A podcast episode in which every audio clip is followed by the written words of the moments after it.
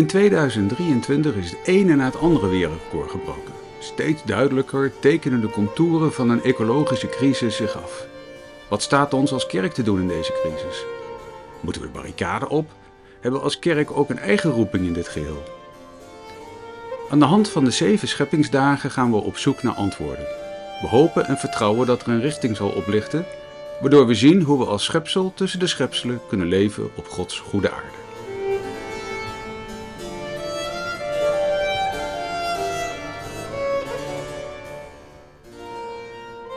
Dit is de vijfde scheppingsdag. Thema is vruchtbaarheid. Voorganger is dominee Dick Wolters. Opgenomen op 18 februari 2024 in de Noorderkerk te Amsterdam.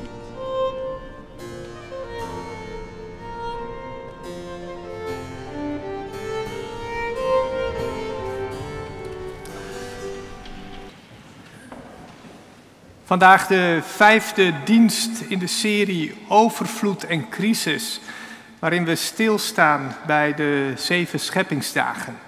De vijfde dag, de dag dat de vogels en de vissen worden geschapen.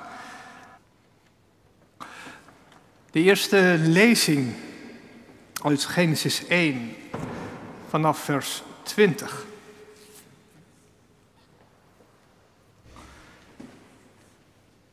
En God zei, laat het water wemelen van wemelende levende wezens. En laten er vogels boven de aarde vliegen langs het hemelgewelf. En God schiep de grote zeedieren en alle krioelende levende wezens waarvan het water wemelt naar hun soort. En alle gevleugelde vogels naar hun soort. En God zag dat het goed was. En God zegende ze en zei, wees vruchtbaar, word talrijk en vervul het water van de zeeën en laten de vogels talrijk worden op de aarde. Toen was het avond geweest en het was morgen geweest, de vijfde dag.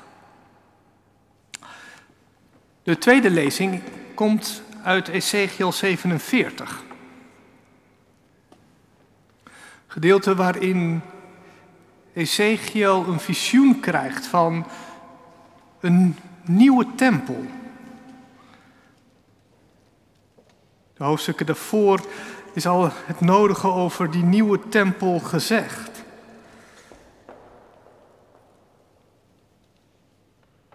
En dan lezen we hoofdstuk 47. Toen bracht de man mij terug naar de ingang van de tempel. Daar zag ik water onder de drempel van de tempel vandaan komen. Het stroomde naar het oosten, want de voorkant van de tempel lag op het oosten. Het water liep van onder de rechter buitenmuur van de tempel ten zuiden van het altaar naar beneden. Hij nam me door de Noordpoort mee naar buiten en we liepen buitenom naar de, naar de oostelijke buitenpoort. Daar zag ik het water aan de rechterkant eruit sijpelen. Met een meetlint in zijn hand ging de man naar het oosten en hij mat duizend el. Daar liet hij mij door het water waden. Het water kwam tot mijn enkels. Hij mat nog eens duizend el en liet me weer door het water waden. Het water kwam tot aan mijn knieën. Hij mat nog eens duizend el en liet me weer door het water waden. Het kwam tot aan mijn heupen. Hij mat nog eens duizend el. En toen was het water een rivier waar ik niet doorheen kon waden. Het water stond zo hoog dat je er alleen in kon zwemmen. Het was een ondoorwaardbare rivier. Die man zei tegen mij: Zie je dat mensenkind? En hij liet mij terugkomen op de oever van de rivier. Toen ik weer terug was, zag ik op de oevers van de rivier aan weerskanten heel veel bomen. Hij zei tegen mij: Dit water stroomt door de oostelijke landstreek, dan naar beneden de Jordaanvallei in en mondt uit in de Dode Zee. Wanneer het de zee instroomt, wordt het water daar zoet. Het zal er wemelen van levende wezens. Overal waar de rivier stroomt, komt leven. Er zal vis zijn in overvloed. Als dit water in de Dode Zee aankomt, wordt het water daar zoet. Overal waar de rivier stroomt, komt leven. Van Engedi tot Engalaim zullen er vissers staan. En er zullen droogplaatsen voor netten zijn. Er zullen talrijke vissen zijn van allerlei soort, net als in de grote zee. Alleen de moerassen en de poelen worden niet zoet, daar blijft het water brak. Aan weerskanten van de rivier zullen allerlei vruchtbomen opkomen, waarvan de bladeren niet zullen verwelken en de vruchten niet zullen opraken. Elke maand zullen ze vrucht dragen. Het water stroomt immers uit het heiligdom. De vruchten zullen eetbaar zijn en de bladeren geneeskrachtig. Tot zover de lezingen voor vandaag. Het thema voor de preek is leven, overvloed en zegen. Gemeente van onze Heer Jezus Christus. Mijn vader is bioloog en hij heeft een fascinatie voor vogels. En dat maakte dat we op vakantie regelmatig lange wandelingen maakten. En ze werden vooral lang omdat we regelmatig stilstonden. Dan hoorde hij weer iets fluiten en dan zei hij: Hé, hey, een boomklever of een putter. En dan moesten we natuurlijk net zo lang stilstaan totdat we desbetreffende vogeltje zagen. Mijn zoon heeft eerder een fascinatie voor alles wat onder water leeft. En we doen hem bijna geen groter plezier dan naar een heerlijk strand gaan en met snorkels om gaan genieten van alles wat onder water leeft. In de veelkleurigheid aan kleuren en vormen.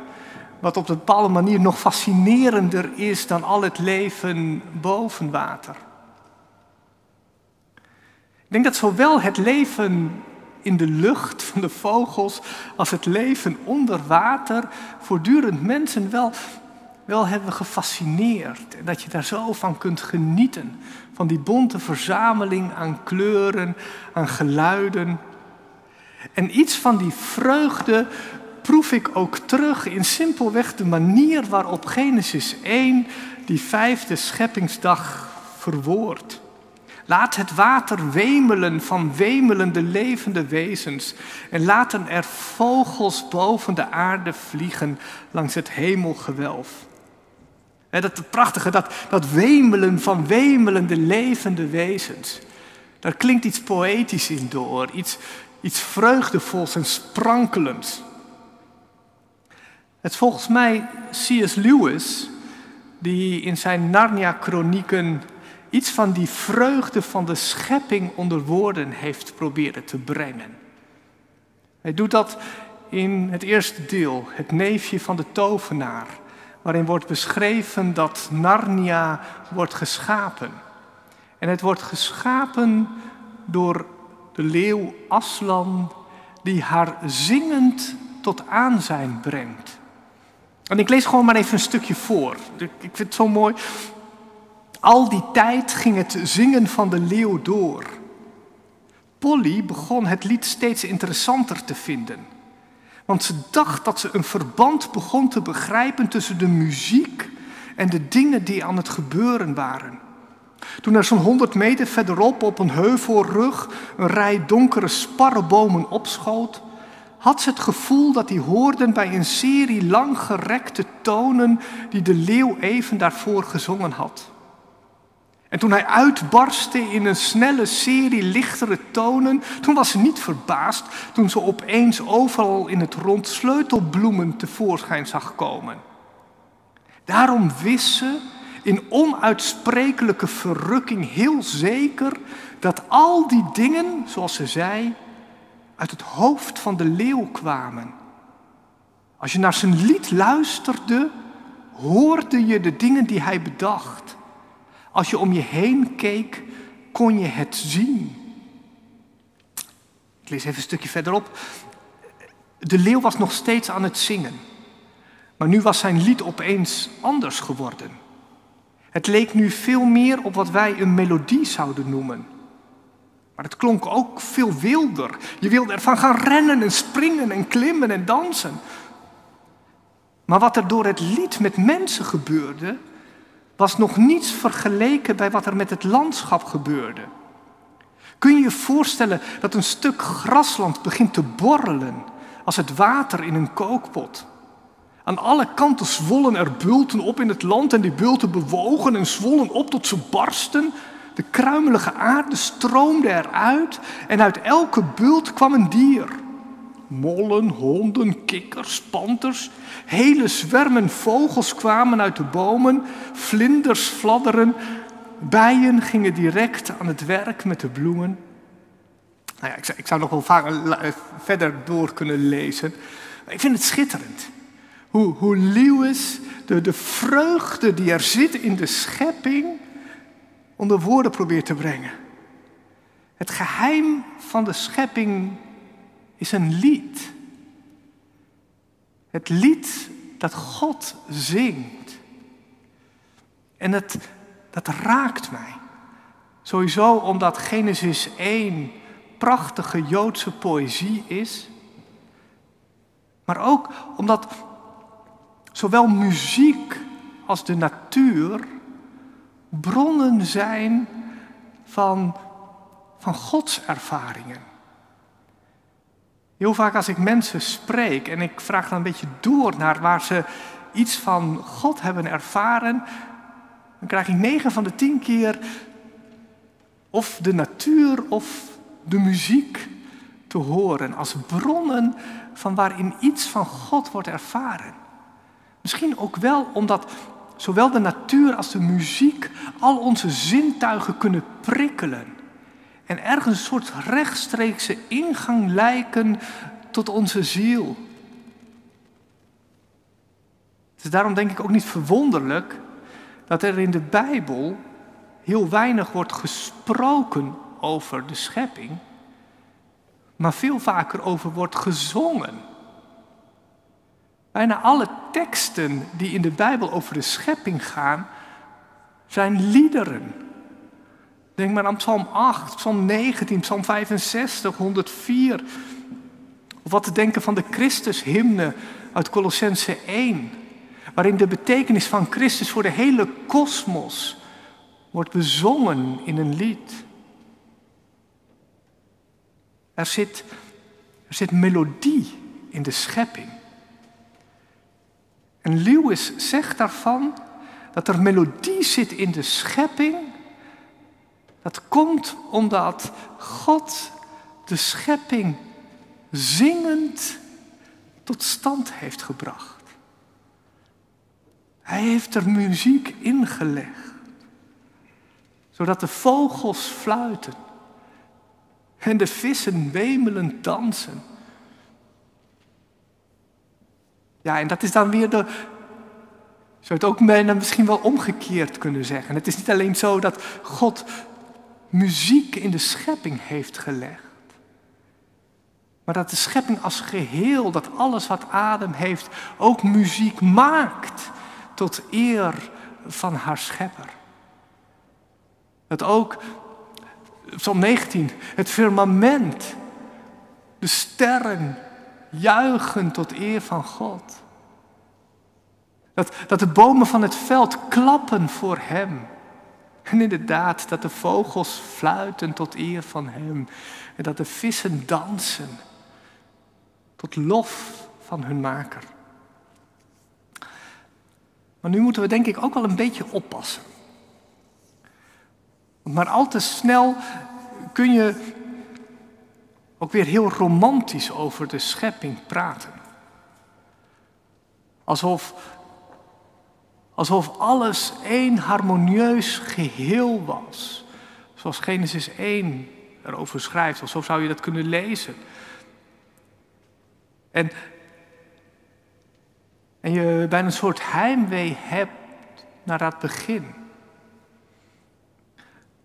Maar Genesis 1, en dat hebben we denk ik wel meerdere keren al benoemd in het kader van deze serie preken. Genesis 1 is geschreven midden in de harde, weerbarstige werkelijkheid van deze wereld. Het is niet een en al harmonie. Het is eerder een strijdtoneel van God tegen de chaos, tegen het tohu wabohu. En dat wordt met name rond de zee duidelijk. Want de zee is bij uitstek de plek van de chaos in de Bijbel. Dat blijkt op dag 2 als alleen nog maar water is. Dat is de enige dag waarvan niet staat en zie, het was goed. Blijkbaar is de zee, is de chaos niet goed. En ook op deze vijfde dag, die correspondeert met de tweede, waar dat water zowel boven als onder wordt gevuld met leven, is de allereerste die wordt geschapen het zeemonster.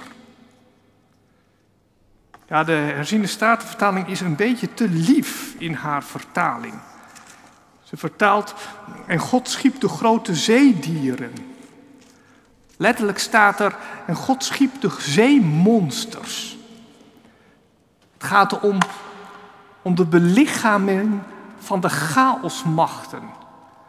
Om de Leviathan, waarvan Psalm 104 zingt dat God die gemaakt heeft om mee te spelen. De vorige dienst over de zon, de maan en de sterren ging het erover dat, dat in het antieke Oosten de hemellichamen heel vaak als goden worden gezien. Maar niet alleen de hemellichamen waren goden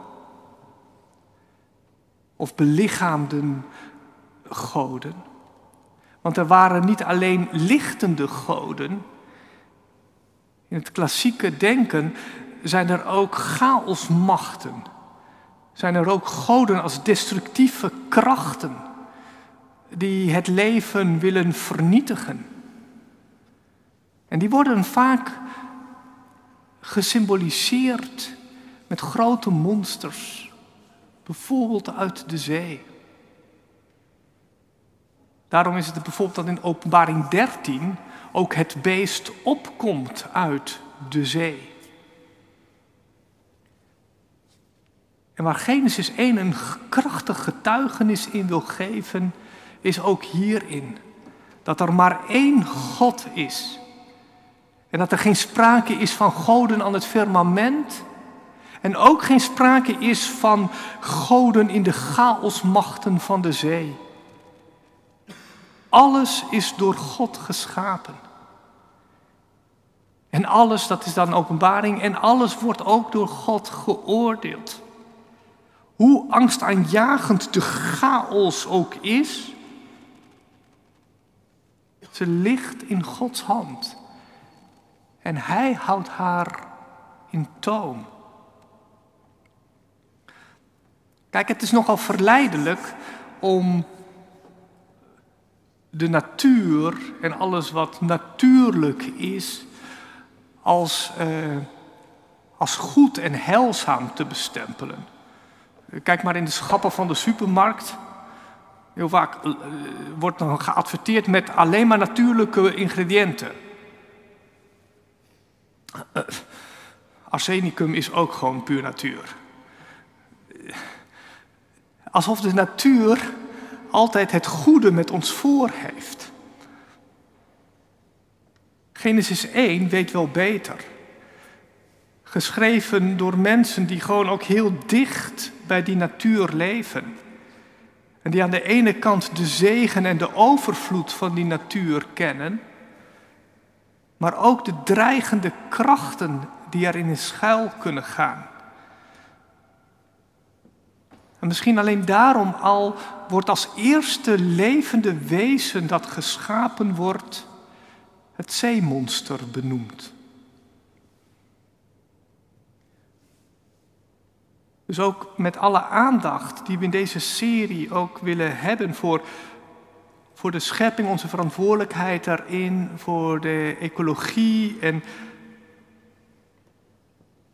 is, is dit ook wel een soort trigger of een soort alarmbel?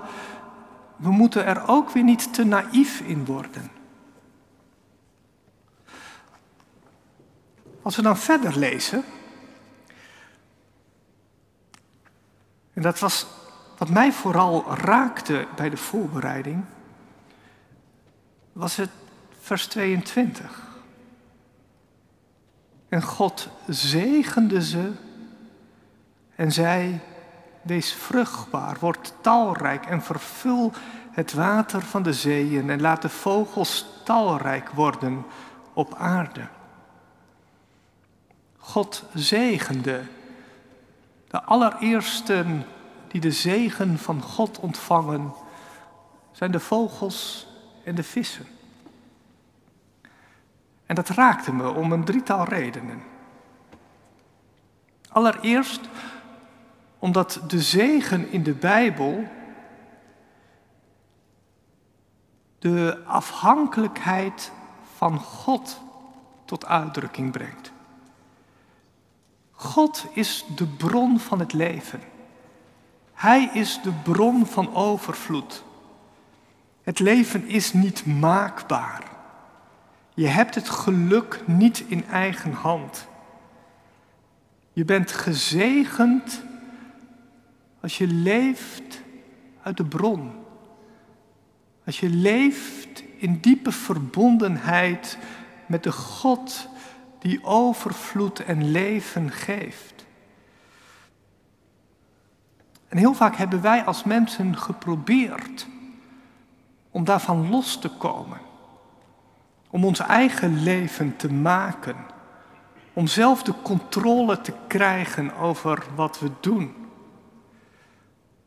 Om overvloed in ons leven af te dwingen.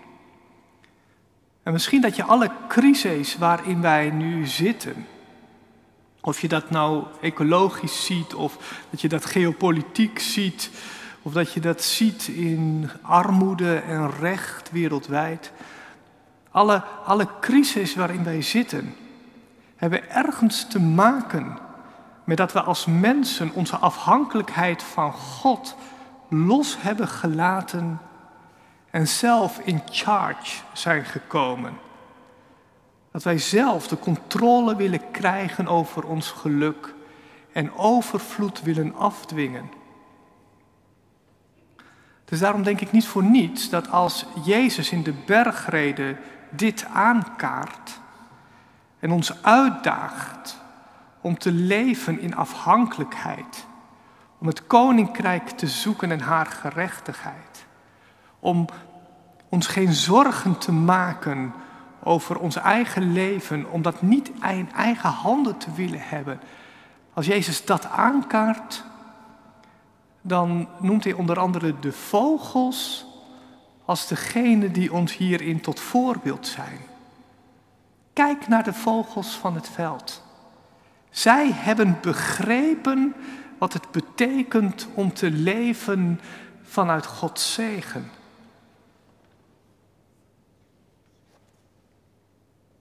Het tweede wat me raakte, was dat de vogels en de vissen gezegend zijn door dezelfde God als die ook ons elke zondag omringt met zijn zegen en ons zo de week weer instuurt.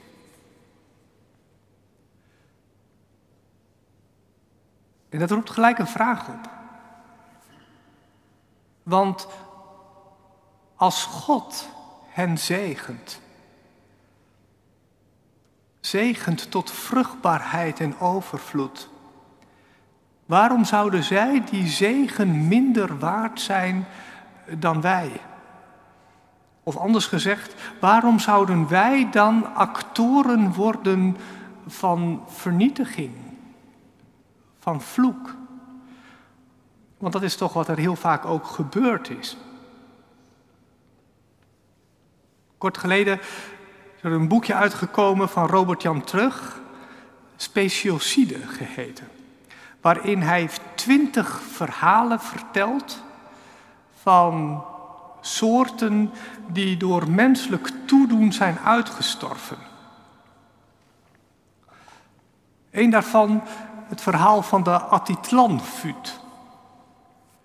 Een fuut die leefde in de Atitlan-meer dicht bij Panama City. En toen in de jaren 60 de Amerikaanse vliegtuigmaatschappij Pan Am op zoek was naar een nieuw afzetgebied, op zoek was naar een nieuwe markt. En ze bedachten, nou misschien is het een goed idee om visstripjes te organiseren. Gewoon dat je een plek hebt wat makkelijk aan te vliegen vanuit de VS, waar mensen voor een weekendje kunnen vissen. Toen viel hun oog op dat Atitlanmeer, want dat was prima aan te vliegen vanuit de VS. Maar ja, er was één nadeel. Dat meer, dat, dat kende alleen maar een paar kleine vissoortjes.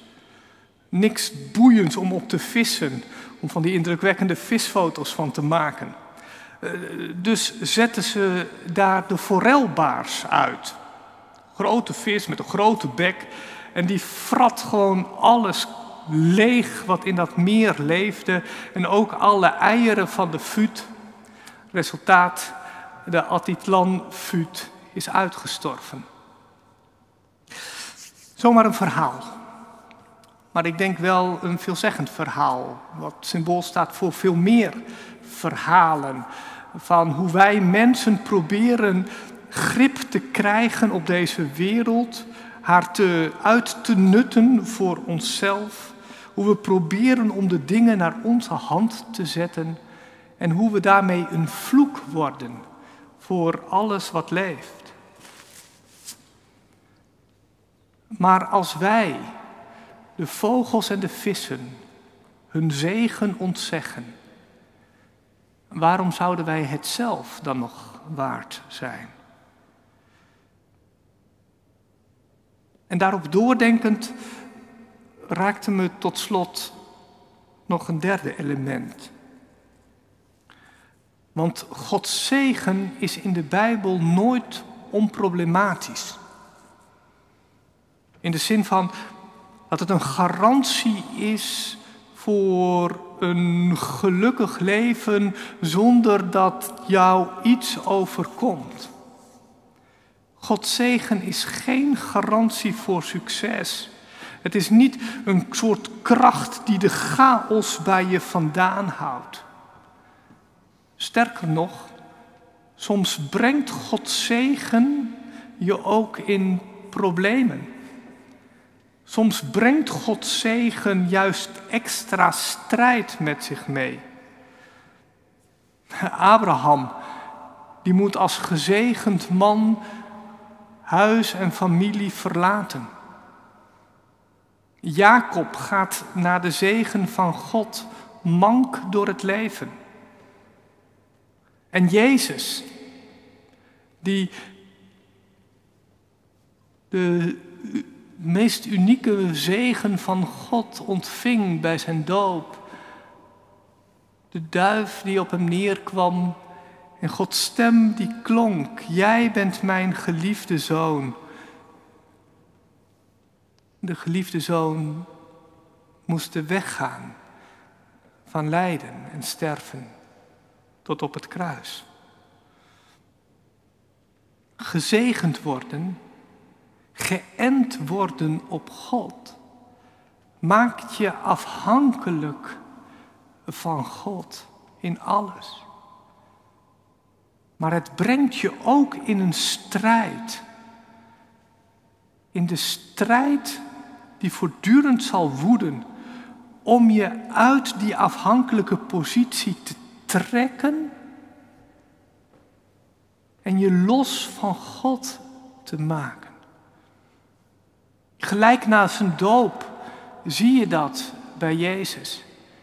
Jezus die na zijn doop de woestijn in wordt gestuurd om door de duivel verleid te worden. En daar gebeurt het. Dat de Satan probeert om, om Jezus los te koppelen vanuit zijn afhankelijkheid van God en hem dat zoonschap van God voor eigen gewin te laten benutten. Om hem zelf in regie te krijgen. Ga zelf maar aan de slag met, met wat je ontvangen hebt. En dwing deze stenen om broden te worden. Of dwing deze wereld om jou te gaan vereren. Waarom zou je afhankelijk blijven leven als je het heft in eigen hand kunt krijgen? En je hoort het ook de spotters rondom het kruis zeggen. Als je dan Gods zoon bent, red dan jezelf. Voortdurend zijn dit de stemmen die klinken, of ze nou vanuit onszelf intern klinken of dat ze van buitenaf op ons afkomen. Waarom zou je leven in afhankelijkheid als jij jezelf kunt redden? De zegen van God brengt je ergens op een strijdtoneel. Dat geldt denk ik voor alle mensen die onder Gods zegen leven.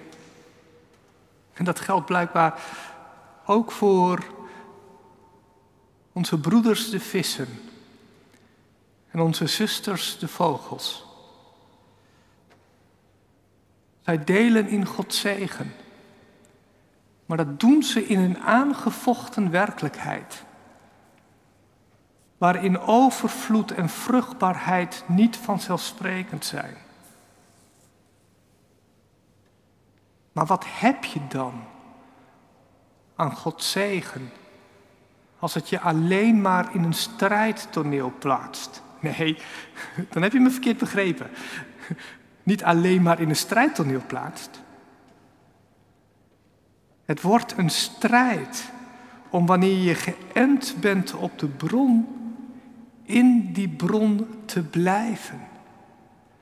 Maar als je in die bron blijft, dan blijf je bij de God van het leven. Wie in mij blijft, zegt Jezus, die draagt veel vrucht. Of ergens anders, wie dorst heeft komen tot mij en drinken, rivieren van levend water zullen stromen uit degene die mij gelooft. Er zit een nauwe verbondenheid aan het in God zijn en blijven. En alleen daarin leven en vruchtbaarheid vinden en hebben. En Ezekiel 47 is daarvan een prachtig eschatologisch visioen. Een visioen van hoe het is, hoe het kan worden wanneer het de navel van de aarde de tempel van God is, waaruit water stroomt vanuit het altaar en door de wereld stroomt en overal waar het komt. Het krioelt van leven, wemelt van vis, vruchtbaarheid alom. Omdat de aarde bevochtigd wordt vanuit de stroom van zegen. Die stroomt vanuit het altaar, vanuit de plek waar de offers worden gebracht, waar de lof wordt aangeheven en de zegen wordt uitgesproken. En ik vind het best lastig om dit concreet te maken. In de zin van dat ik een soort van hapklare brokken van kan maken. Wat moet je nou gewoon morgen gaan doen? Misschien is dat ook wel waar je, waar je ergens op hoopt bij, bij zo'n preek, waarin we ook een beetje over de crisis waarin wij zitten, uh, over nadenken. ik, ik, ik denk dat uit veel wat ik gezegd heb, er wel wat wat stappen te zetten zijn. En dat je goed concreet kunt maken. En dat moet je dan echt ook vooral doen. Maar dat denken over de zegen van God helpt me ook om, om het niet te maakbaar te maken. Om niet van ons te verwachten dat we het wel even gaan fixen en dat we deze wereld weer op orde gaan krijgen. Het succes is niet van ons afhankelijk. En daarom zit er ook enorme kracht in wat wij doen hier. Simpelweg zondag aan zondag. Wanneer wij Christus verkondigen als de bron, als de echte bron van het leven. Wanneer we met elkaar de lofzang aanheffen. En in het gebed onze afhankelijkheid van God beleiden.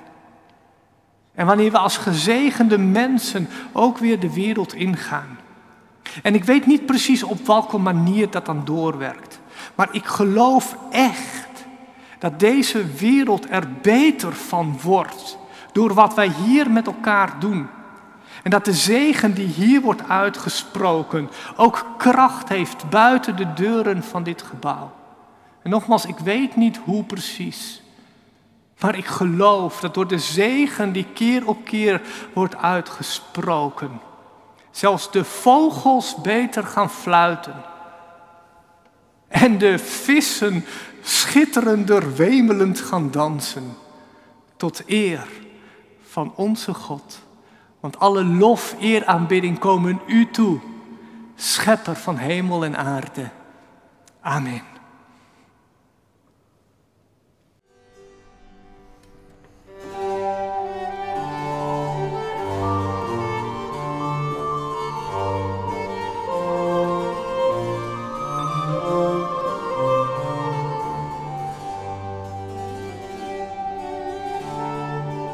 U luisterde naar een podcast van de Noorderkerk in de serie over crisis en overvloed. Mijn naam is Michiel Dumont. De muziek is een oud-Nederlands lied, Merk toch hoe sterk. Het werd gespeeld door het artistiek collectief tijdens het avondconcert voor het 400-jarig bestaan van de Noorderkerk.